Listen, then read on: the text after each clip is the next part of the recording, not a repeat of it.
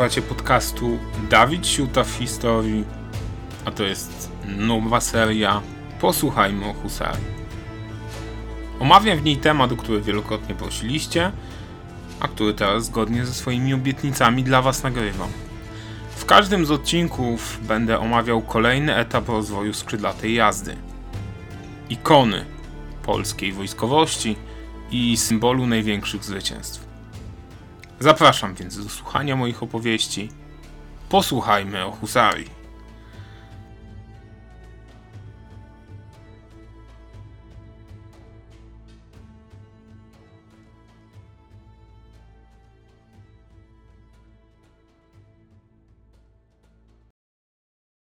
Wojna polsko-szwedzka lat 20. XVII wieku pokazała, że epoka ciężkozbrojnej jazdy wcale się nie zakończyła.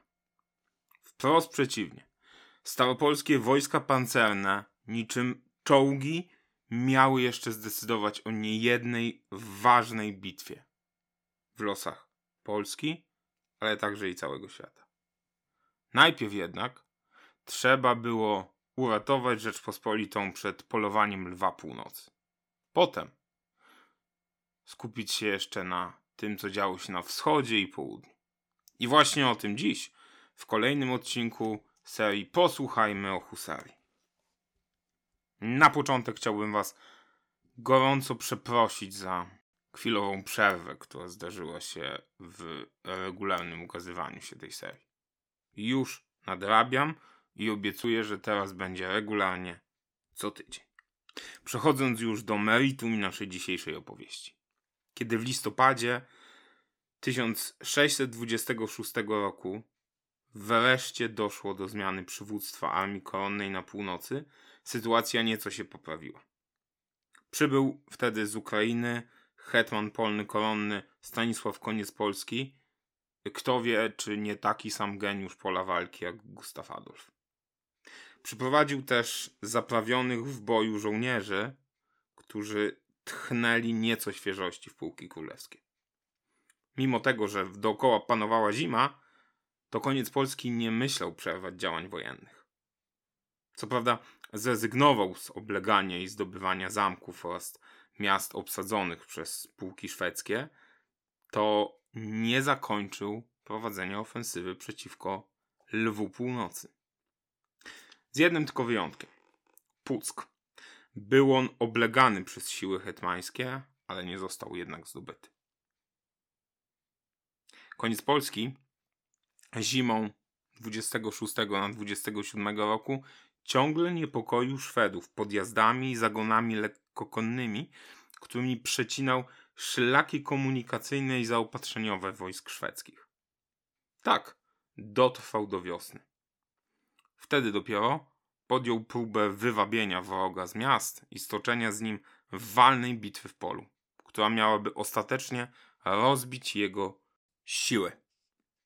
Jedną z głównych ról w tej sztuce hetman koniec Polski powierzył właśnie husarii.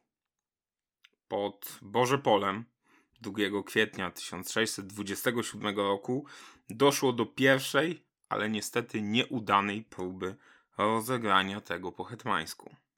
Dziesięć dni później dowódcy szwedzcy dali się jednak sprowokować ponownie. I tym razem udało się już ich zaskoczyć. Choć głównie ich siły broniły się z zamurów miejskich Czarnego, rajtarzy na przedpolach wyszli, by stawić czoła husarii. I nie sprostali jej uderzeniu.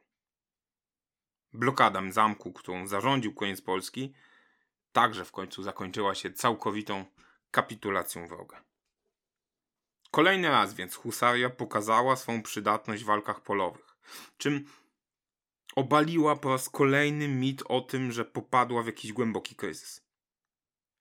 Warto też dodać, że skrzydlaci jeźdźcy z powodzeniem brali udział także w obronie pozycji pod Trzebem. Jaki z tego płynie wniosek? Husarze niewątpliwie po raz kolejny pokazali, że byli żołnierzami prawie uniwersalnymi.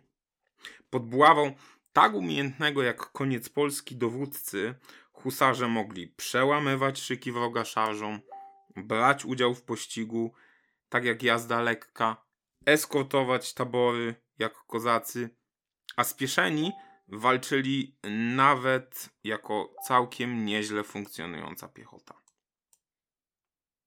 Najskuteczniejsi byli jednak konno, na ubitej ziemi i w otwartym polu.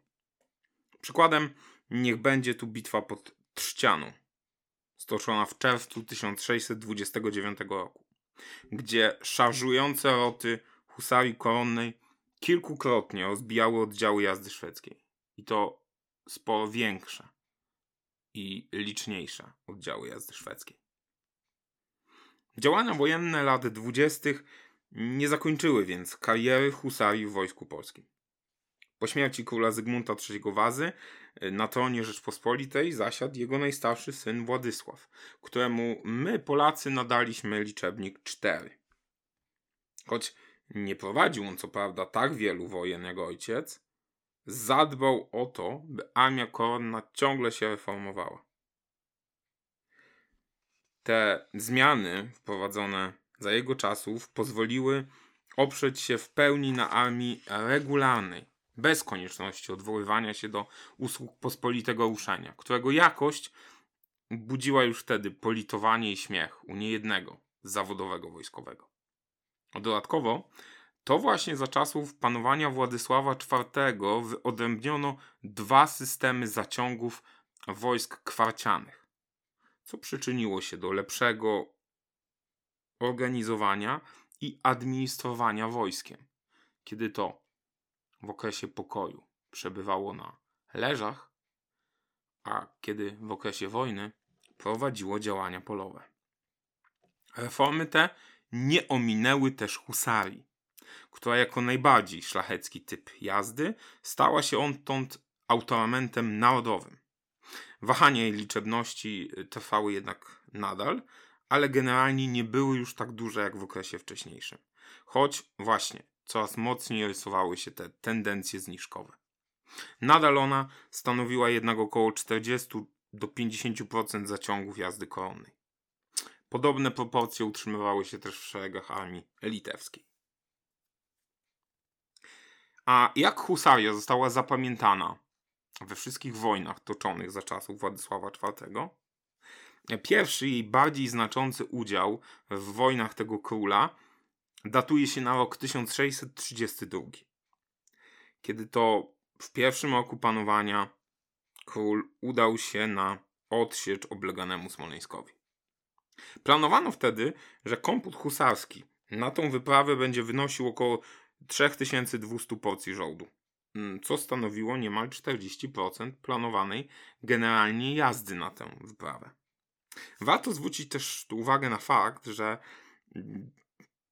na tą samą wojnę chciano zaciągnąć około 12 tysięcy piechoty i 3 tysięcy dragonów. Było to pewnego rodzaju nowum w polskiej sztuce wojennej, która przecież dotąd opierała się głównie na jeździe. Ale stanowiło odpowiedź na potrzeby czasów, potrzeby wojny, która przecież miała opierać się głównie na oblężeniach.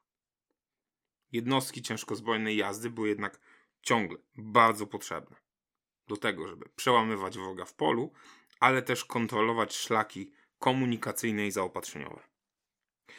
Dodatkowo husaria miała też osłaniać siły oblężnicze, rozbijając na przykład podjazdy i patrole wroga, które zapuściłyby się gdzieś w bliskie okolice armii oblężniczej. Dodatkowo miały także zapobiegać ewentualnym próbom odsieczy. Husaria, która odegrała też znaczącą rolę w planowanej wojnie ze Szwecją w roku 1935, w wojnie z wojskami tatarskimi w latach 30. oraz w pacyfikacji powstań kozackich w roku 1935, 1937 i 1938 oraz ochraniała pogranicze przed najazdami turecko-tatarskimi, zawsze sprawowała się równie dobrze. Szczególną uwagę należy jednak zwrócić na front ukraiński, gdzie ciężkozbrojna jazda święciła niebywałe sukcesy, co poświadcza, że ciągle była w niebywale wysokiej formie.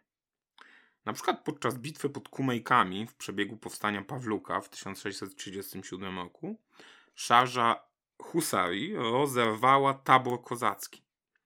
czym ułatwiła zadanie pancernym i piechocie, którzy uderzali zaraz za nimi.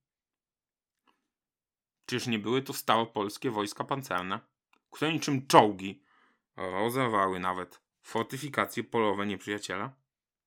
Można zatem jednoznacznie stwierdzić, że to jedno uderzenie przełamujące zakończyło bitwę pod Kumejkami, a nawet całe powstanie, ale też wyraźnie pokazało, że o żadnym upadku kondycji husarskiej nie może być mowy. Kolejny, ważny akord w historii husarii to na pewno początek lat 40. I bitwa pod Ochmatowem, gdzie ten sam, co wspominany na początku, hetman koniec Polski rozbił potężny oddział tatarski pod wodzą samego Tuchajbeja. I tam, w szeregach jego armii, armii koronnej, znalazło się tysiąc koni husarskich. Przy czym wiemy, że był to cały komput narodowy. Mało? Może się tak wydawać. I rzeczywiście, w latach 40. husaria zanotowała kolejny, nieznaczny spadek udziału procentowego w całej armii Rzeczypospolitej, ale jednocześnie warto pamiętać o tym, że ta armia w ogóle wtedy niebezpiecznie zaczynała się kurczyć. Ale przecież husaria zaciągana przez państwo to nie była jedyna husaria, która operowała na ziemiach ukraińskich w latach 40. Wchodziła ona też w skład ogromnych sił prywatnych, które wzmocniły pod y, Ochmatowem korpus koniec polskiego. Mówiąc więc generalnie i ujmując rzecz całościowo, bitwy lat 30. i 40. XVII stulecia pokazały, że armia koronna i litewska doskonale radzi sobie w starciu z Tatarami, z Kozakami, jeśli tylko walczą oni oddzielnie. Niestety, kolejne powstanie kozackie pokazało, że gdy ci dwaj wrogowie połączą siły, Polacy są bez szans. Choć czynników decydujących o klęskach polskich w kolejnym powstaniu kozackim było o wiele więcej. Ale o tym opowiemy sobie już za tydzień. I na tym ta opowieść dobiega końca. Mam nadzieję, że przypadła Wam do gustu. Dajcie mi znać, co o niej myślicie.